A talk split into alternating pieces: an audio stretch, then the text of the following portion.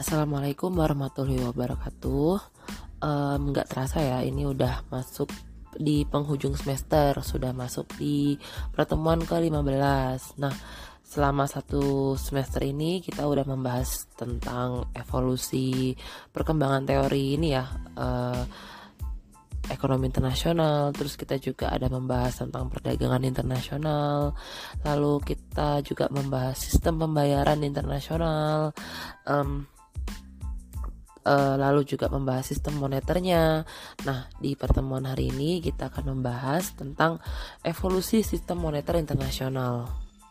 Nah, berbicara tentang moneter itu nggak terlepas dari yang namanya uang. Jadi uang itu apa sih? Seperti yang kita ketahui, kalau uang itu kan merupakan alat tukar ya. Jadi sebuah um, apa namanya alat tukar yang kita tukarkan untuk ketika kita menginginkan suatu barang atau setelah kita mendapatkan suatu jasa gitu. Nah, jadi secara umum uang itu adalah sebuah barang yang diterima secara luas uh, dalam pertukaran barang atau jasa.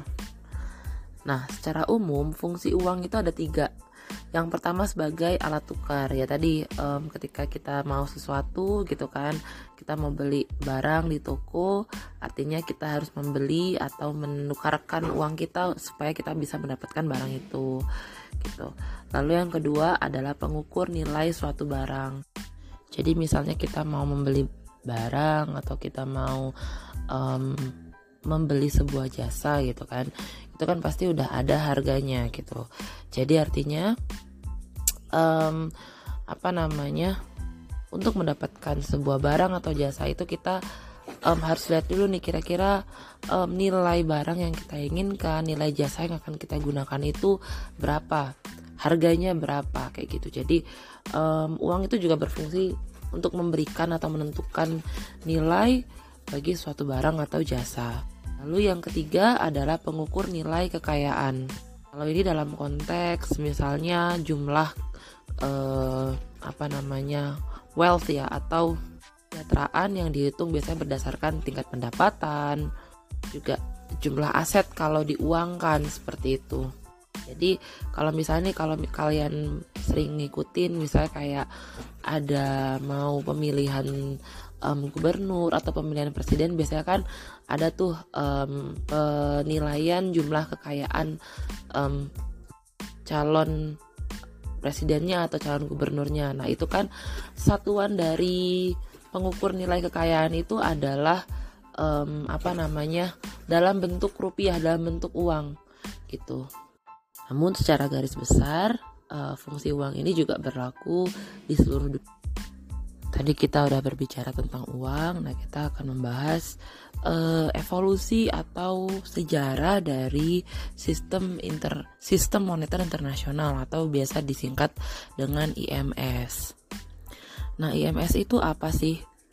Jadi IMS itu adalah seperangkat aturan, konvensi, dan lembaga pendukung yang disepakati secara internasional yang memfasilitasi uh, perdagangan internasional, terus investasi lintas negara seperti itu, um, dan juga alokasi modal untuk dari negara yang uh, ke, berkecukupan modal kepada negara-negara yang membutuhkan modal. Jadi dalam IMS ini juga mengatur metode pembayaran yang bisa diterima antar konsumen dan produsen uh, dari dua negara yang berbeda atau beberapa negara yang berbeda. Jadi juga secara garis besar uh, eh, IMS ini dia juga harus um, tujuannya atau uh, goalsnya itu um, supaya bisa mampu menjaga nilai tukar um, uang antar negara. Supaya stabil relatif stabil terus juga uh, tidak terlalu volatil seperti itu. Meskipun pasti ada momen-momen di mana um, namanya mata uang tuh pasti ada momen namanya dia uh, depresiasi dan apresiasi. Dengan adanya sistem ini juga itu diharapkan juga bisa membantu negara um, apa namanya menyediakan aset cadangan atau biasa biasa disebut sebagai devisa ya supaya uh, kenapa sih negara tuh harus punya devisa punya simpenan ya. Devisa itu tadi kan seperti konsep tabungan ya kalau di perseorangan. Jadi kalau negara itu punya cadangan devisa artinya negara itu bisa dikatakan punya um, apa ya arus pembiayaan yang baik. Dia punya cadangan modal yang baik ketika dia ingin uh, apa namanya membeli sesuatu baik itu secara tunai maupun uh, hutang. Jadi artinya kalau misalnya negara itu punya uang tabungan dan dia mau hutang misalnya seperti itu. Nah negara yang mau meminjamkan hutang ini pasti kalau dia tahu si negara yang mau ngutang ini punya tabungan gitu kan punya cadangan dana dia pasti akan percayalah karena dia pasti yakin negara ini bisa bayar uh, hutangnya dia seperti itu. Dan juga dengan adanya devisa ini juga bisa mengurangi risiko uh, yang namanya inflasi di sebuah negara di negara itu. Nah, sistem moneter internasional atau IMF ini juga mengalami evolusi ya. Jadi dari sejak sebelum tahun 1800-an atau sebelum abad ke-18 itu sudah berlaku yang namanya sistem moneter bimetalisme atau bimetalisme. Lalu selanjutnya setelah tahun 1875 itu berlaku yang namanya sistem standar emas klasik yang berlaku dari tahun 1875 sampai 1914. Nah, lalu setelah masa standar emas klasik ini uh, selesai gitu kan atau uh, sistem ini nggak berlaku lagi sebenarnya kan ini masa-masa berlakunya perang dunia. Nah, selama perang dunia ini uh, seperti ada peralihan sistem moneter yang masih juga menggunakan standar emas tapi um, apa namanya kebijakan yang diberlakukan itu berbeda. Nanti akan saya jelaskan. Nah lalu setelah um, setelah masa perang dunia itu um, apa namanya pada tahun 1945 dibentuklah IMF atau International Monetary Fund. Itu um, badan yang mengatur moneter uh, di, di dunia ya jadi aktivitas moneter di dunia. Nah uh, si IMF ini dengan berdirinya IMF ini juga diberlakukan yang namanya sistem Bretton Woods. Jadi berdasarkan uh, agree, Jamaica Agreement atau kesepakatan Jamaika pada tahun sekian, pada tahun uh, 1945. Nah, sistem Bretton Woods ini berlaku sampai tahun 1972. Lalu selanjutnya uh, di masa saat sampai sekarang itu berlaku yang namanya sistem kurs tukar fleksibel. Jadi mulai tahun 1973 sampai sekarang itu dikenal namanya sistem moneternya itu adalah sistem kurs tukar fleksibel. Nanti kita akan bahas um, perjalanan uh, sejarah dari sistem moneter internasional. Nah, jadi uh, menurut sejarawan perekonomian dunia itu kan perjalanan sistem moneter global itu dirunut mulai tahun 1860 atau 1870-an.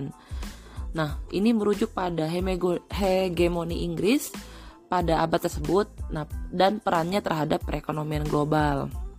Jadi, Inggris ini uh, unggul di bidang manufaktur dan industri karena dia itu merupakan produsen uh, sekitar setengah cadangan besi dan batu bara uh, yang diperlukan uh, di seluruh dunia.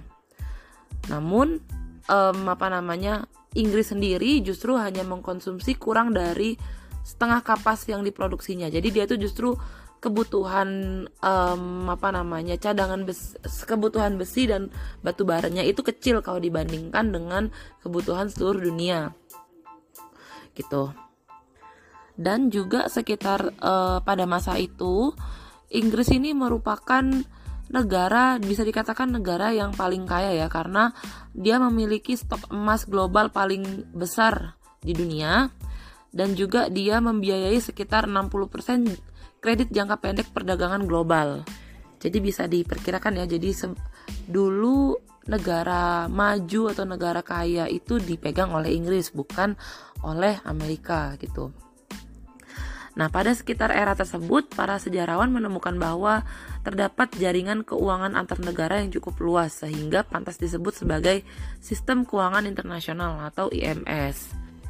Jadi pada saat itu terdapat penyatuan uh, beberapa mata uang di beberapa kawasan ya, seperti um, di negara Belgia, Italia, Swiss dan Prancis itu mereka punya apa namanya um, kesatuan mata uang namanya Latin Monetary Union. Sistem sorry, sistem moneter mereka itu namanya Latin Monetary Union.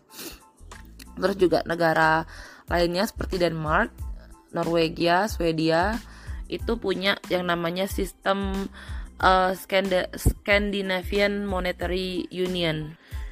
Jadi meskipun mereka punya sistem moneter masing-masing di tiap negara, tapi mereka itu uh, punya satu sa, punya satu sistem pembayaran yang berlaku yaitu menggunakan uh, standar emas atau perak. Jadi um, tadi meskipun mereka punya sistem moneter yang berbeda-beda setiap beberapa kelompok negara, tapi mereka tuh kayak udah punya mata nih mata uang masing-masing nih seperti kayak Inggris kan mata uangnya pound sterling, terus kalau Prancis mata uangnya France jadi mereka udah punya tapi mereka udah punya masing-masing standar apa namanya nilai satuan satu pound sterling itu berapa gram emas misalnya seperti itu. Atau berapa keping emas bukan gram ya sorry. Berapa keping emas. Nanti kalau gram itu masuk pada sistem uh, emas klasik. Nah lalu pada tahun 1875 itu terbentuklah sistem keuangan berstandar emas. Karena tadi um, pada masa bimetalisme tadi memang sudah menggunakan emas dan perak gitu kan. Um, namun mereka nggak punya satuan pastinya seperti itu. Nah jadi um, sistem ini diinisiasi oleh Inggris yang kemudian diikuti oleh negara-negara dunia lainnya terutama Eropa yang menandatangani salah satu kejadian penting dalam sejarah pasar mata uang dunia. Jadi ide dasar di balik standar emas itu adalah pemerintah masing-masing negara menjamin pertukaran mata uang ke jumlah tertentu dalam hitungan emas dan sebaliknya. Jadi di-convert dalam satuan berat emas ya. Jadi dia lebih spesifik lagi daripada bimetalisme. Kalau di bimetalisme itu hanya satuan keping gitu kan, e, besar kecilnya keping. Tapi kalau e, pada sistem ini, pada sistem emas klasik ini saat uh, idenya itu berdasarkan uh, berat dari emas.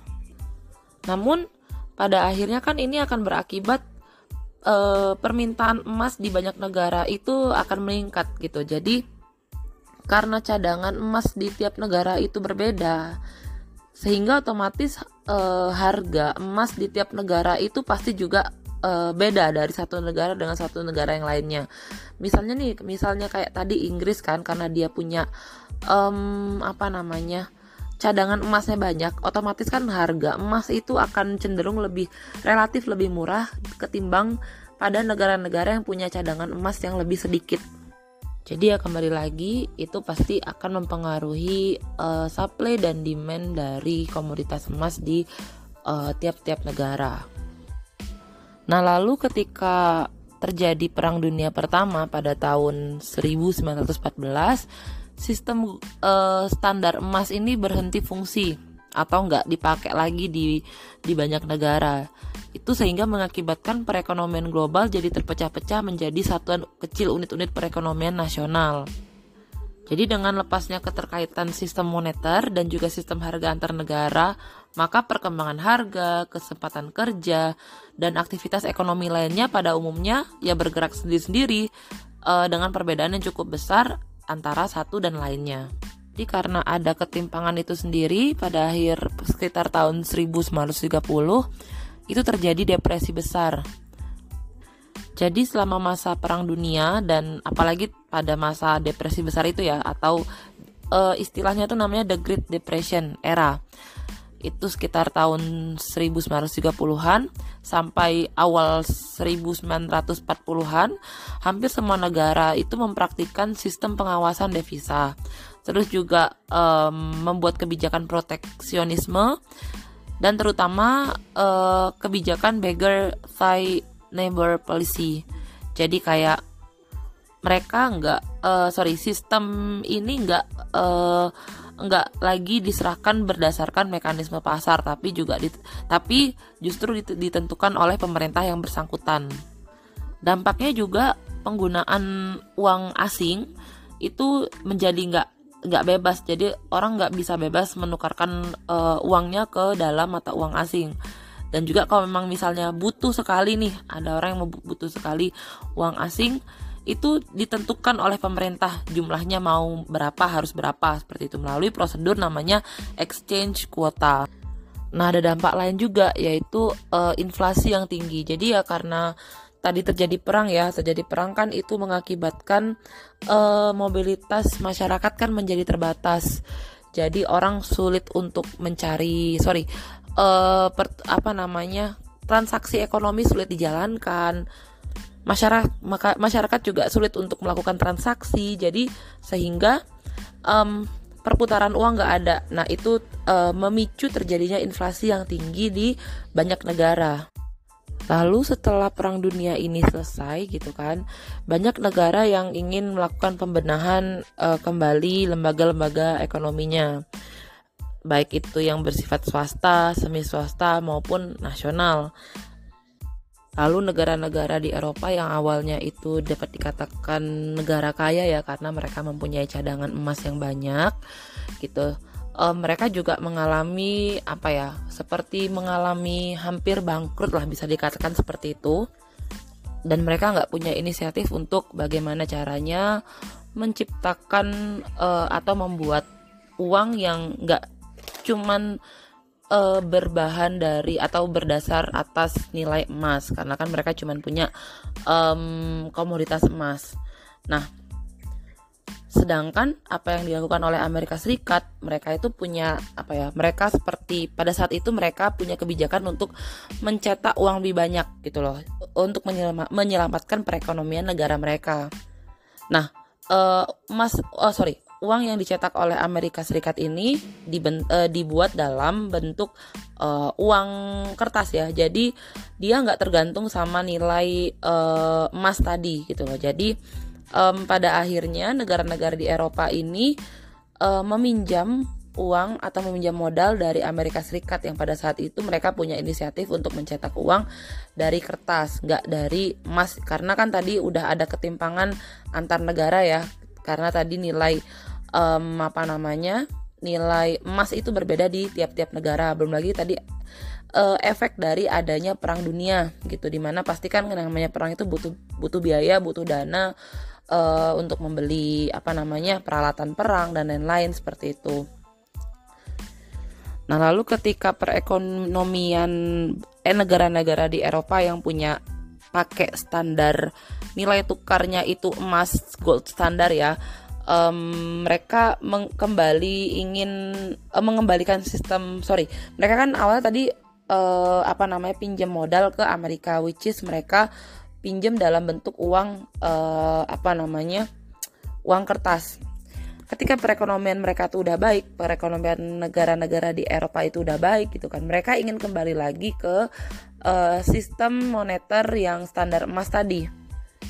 Namun ya apa namanya di sisi lain Amerika yang udah menjadi negara yang punya modal sumber mod permodalan yang banyak gitu kan um, pastinya apa namanya akan timpang tindih lah dengan perekonomian yang uh, gini apa namanya perekonomian yang berlaku uh, yang diberlakukan oleh negara lebih besar dibanding negara-negara Eropa lainnya. Jadi ide untuk kembali lagi pada um, sistem standar emas pada era Perang Dunia ini dianggap kurang tepat gitu karena Amerika tadi sudah memperlakukan um, uang kertas pada masa pasca Perang Dunia Pertama. Lalu pasca terjadinya Perang Dunia, um, Amerika Serikat dan Inggris ini berinisiatif untuk memperbaiki sistem keuangan global yang udah apa ya, yang bisa dibilang udah porak-poranda uh, karena ya tadi udah terjadi udah udah terjadi perang dan juga karena mereka udah meninggalkan sistem uh, standar emas tadi. Nah, inisiatif tersebut mendapat sambutan hangat ya dari banyak negara yang uh, semak, uh, berhubung semakin kuatnya semangat liberalisme dan kepedihan akibat Perang Dunia. Lalu pada tahun 1944 um, apa namanya keinginan untuk mengubah sistem moneter itu akhirnya disetujui ya di uh, di mana kesepakatan itu dibuat di Bretton Woods. Oleh karena itu yang namanya tadi uh, dibentuklah atau dibuatlah disepakatilah yang namanya sistem Bretton Woods.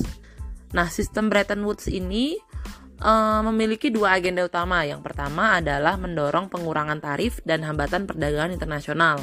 Dan yang kedua, menciptakan kerangka ekonomi global demi meminimalisir konflik ekonomi dan mencegah terulangnya perang dunia.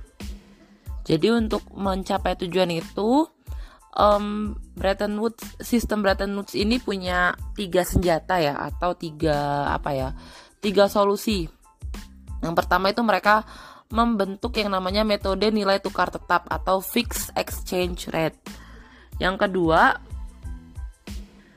uh, standar emas ini diganti dengan uh, standar US dollar standar mata uang yang dulunya itu standar emas. Nah, standar mata uang utama, cadangan utama itu yang digunakan adalah e, mata uang US dollar. Lalu yang ketiga, pembentukan tiga badan internasional yang menaungi segala aktivitas perekonomian global, yaitu pembentukan IMF tadi, terus um, International Bank for Reconstruction and Development atau biasa disebut sebagai ini ya, uh, Bank Dunia dan um, pembentukan WTO. Nah, sistem fixed exchange rate pada um, masa Bretton Woods ini menggunakan konsep nilai paritas mata uang atau nilai eksternal. Jadi berdasarkan ketentuan IMF, semua mata uang negara-negara anggotanya harus ditetapkan sesuai dengan um, mata uang dolar atau sesuai dengan harga US dollar atau terhadap harga emas dengan ekuivalennya gitu jadi kira uh, emang sih dia nggak berdasarkan patokannya nggak dalam emas tapi dalam US dollar. Jadi satu US dollar tuh berapa emas? Jadi sama-sama ada patokan emas tapi nilai utamanya adalah US dollar. Sementara US dollar sendiri ditetapkan convertible atau ya bisa diganti atau bisa dikonvert ya terhadap harga emas sebesar satu ons emas. Itu berharga uh, sekitar 35 USD 35,74 US dollar. Jadi sekitar 35 74 sen US dollar. Nah, meskipun begitu artinya si Amerika Serikat ini juga um, harus menjaga dan juga menjamin kalau cadangan emas mereka itu cukup dengan jumlah US dollar yang dicetak atau yang beredar di negaranya dan uh, di negara asing. Lalu permasalahan muncul sekitar tahun uh, 1950-an di mana um, karena kebutuhan untuk membiayai angkatan perang di luar negeri, si Amerika ini mulai mengalami defisit. Jadi awalnya uh, defisit ini justru di um, apa ya disambut gembira oleh masyarakat internasional karena ketika Amerika itu mengalami defisit artinya semakin banyak US dollar di dalam perekonomian internasional. Jadi makin banyak uang US dollar yang apa ya uh, ada di negara-negara asing. Di samping itu cadangan emas Amerika memang besar. Uh, sehingga masyarakat internasional yakin bahwa mereka akan tetap bisa menukarkan US dollar dengan emas apabila diperlukan. Namun demikian mereka mulai menyaksikan sistem ini karena di satu pihak e, mereka harus bekerja keras menahan defisit. Si Amerika juga harus e, kerja keras ya untuk nahan biar e, negaranya nggak defisit dan juga negara-negara lain juga harus bekerja keras supaya mereka bisa menahan defisit dari e, dampak de defisit dari Amerika sendiri. Karena pada saat itu orang masih banyak yang me, apa ya berpatok pada sistem nilai tukar emas ya. Jadi otomatis mereka cenderung masyarakat internasional cenderung lebih menyukai emas daripada US dollar. Jadi demandnya emas di Amerika tuh tinggi sekali pada saat itu. Kalau permintaan banyak, artinya kan um, apa namanya tersediaan emas itu pada akhirnya nanti akan semakin sedikit. Kalau ketersediaan emas itu semakin sedikit, artinya itu bisa menaikkan uh, harga emas itu sendiri. Dan sekitar pada akhir dua setahun 1960-an um, apa namanya mereka mulai sangat-sangat kesulitan ya untuk menghadapi krisis seperti itu.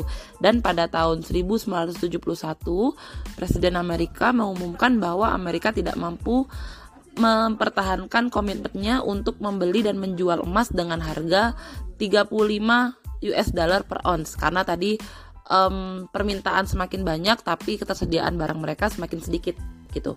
Jadi dengan demikian sistem Bretton Woods ini tidak lagi bisa dipertahankan uh, dan pada akhirnya di apa disepakatilah membentuk uh, sistem moneter baru yaitu sistem kurs uh, fleksibel. Nah, lalu ketika era Bretton Woods tadi sudah berakhir gitu kan, di mana kan pada era itu ketentuannya mematok uh, nilai tukar US dollar terhadap emas gitu. Nah, dan itu berhenti berfungsi sekitar tahun 1970-an. Namun setelah itu masih ada uh, apa ya kesepakatan-kesepakatan di mana kesepakatan itu apa namanya um, membuat tetap membuat nilai tukar satu US dollar itu berharga uh, tiga sorry satu satu ons emas itu berharga 38 US dollar. Jadi nilainya naik 3 le, lebih kurang 3 US dollar ya. Gitu. Namun karena Amerika tetap kekeh ya, tetap kekeh nggak mau me, apa ya? Me, apa namanya? Menetapkan nilai tukar mata uangnya dengan nilai emas gitu kan. Pada akhirnya dia Amerika ini membiarkan mata uangnya mengambang terhadap mata uang mata uang lain. Nah pada saat itulah sistem ini dikenal sebagai manage float system atau sistem mengambang terkendali. Di saat yang sama ada yang ada beberapa negara yang mengikuti sistem yang dijalankan oleh Amerika. Tapi ada juga negara-negara lain yang menetapkan uh, peg system atau mematok nilai mata uangnya terhadap mata uang tertentu. Jadi dapat disimpulkan bahwa um, setelah berakhirnya sistem Bretton Woods ini, itu ada uh, ditanda apa namanya uh, muncullah sistem baru yang namanya tadi sistem nilai tukar fleksibel. Nah, itu ditandai dengan beberapa mekanisme penentuan kurs yang bisa dikategorikan menjadi beberapa kelompok. Yang pertama itu ada sistem mengambang bebas atau yang namanya free float system. Jadi kalau udah saya jelaskan ya di pertemuan berapa kayaknya beberapa pertemuan yang lalu kalau pada sistem ini kurs mata uang dibiarkan mengambang bebas tergantung kekuatan pasar. Jadi uh, ada faktor-faktor yang mempengaruhi kurs misalnya seperti inflasi atau pertumbuhan ekonomi uh, di mana tingkat inflasi akan digunakan oleh pasar dalam mengevaluasi kurs mata uang negara yang bersangkutan. Jika variabel tersebut berubah, uh, atau penghargaan terhadap variabel tersebut berubah, maka kurs mata uang juga akan berubah. Jadi sistem mengambang bebas juga disebut sebagai clean float. Lalu yang kedua, ada yang namanya sistem mengambang yang dikelola atau manage float system. Sistem mengambang bebas ini, sorry, sistem mengambang yang dikelola ini mempunyai uh, ini ya beberapa kerugian karena uh, ada unsur ketidakpastian kurs yang cukup tinggi Ups, sorry, itu sistem mengambang bebas ya. Sistem mengambang bebas itu punya kerugian karena uh, dia itu punya ketidakpastian kurs yang cukup tinggi. Makanya oleh karena itu ada pilihan kedua yaitu sistem mengambang yang dikelola atau manage float system. Pada sistem mengambang yang dikelola ini um, dilakukan melalui campur tangan bank sentral secara aktif. Jadi bank sentral kemudian akan melakukan intervensi jika kurs yang terjadi di luar batasan yang telah ditetapkan. Contoh dari bentuk intervensinya itu misalnya seperti menstabilkan fluktuasi harian. Bank sentral melakukan cara ini dengan tujuan menjaga stabilitas kurs agar perubahan kurs cukup teratur. Lalu yang kedua ada menunda kurs atau leaning against the wind. E, melalui cara ini Bank sentral melakukan intervensi dengan tujuan mencegah atau mengurangi fluktuasi jangka pendek yang cukup tajam yang diakibatkan oleh kejadian yang sifatnya sementara. Lalu yang ketiga, ada kurs tetap secara tidak resmi atau unofficial pegging. Jadi melalui cara ini bank sentral melawan kekuatan pasar dengan menetapkan kurs mata uangnya. Jadi yang ini mirip kayak uh, fixed rate ya, fixed rate uh, system atau nama lain fixed rate system itu peg system. Nah, tadi udah uh, free float system, terus manage float system. Yang ketiga itu kita bahas peg system atau biasa disebutkan fixed rate system. Jadi kalau uh, fixed rate atau peg system ini biasanya satu negara itu mematok uh, mata uangnya dari negara lain. Uh, jadi dari sekitar 62 negara dari 162 negara anggota IMF ini dia itu mengaitkan nilai mata uangnya terhadap mata uang lainnya. Uh, tapi ada juga sebagian yang mengaitkan nilai mata uangnya terhadap uh, mata uang negara tetangga.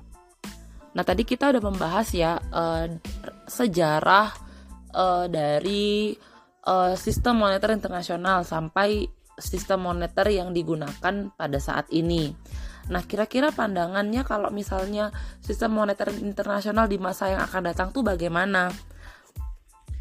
Jadi dari beberapa sumber yang sudah saya baca gitu kan, uh, era saat ini kan dapat dikatakan udah menjadi era digital ya karena memang semua apa-apa serba digital.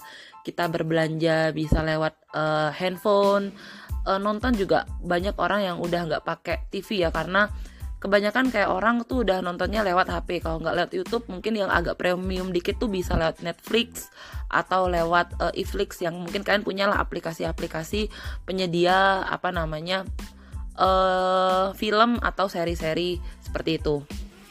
Jadi dengan berkembangnya era digital ini artinya ada perkembangan uh, apa namanya fungsi uang sebagai alat tukar atau alat pembayaran uh, yang ternyata nggak cuman sekarang uang itu nggak cuman digunakan transaksi dalam bentuk fisik aja tapi orang itu udah banyak menggunakan uang digital atau bisa juga um, dalam bentuk apa ya um, uang kripto seperti itu.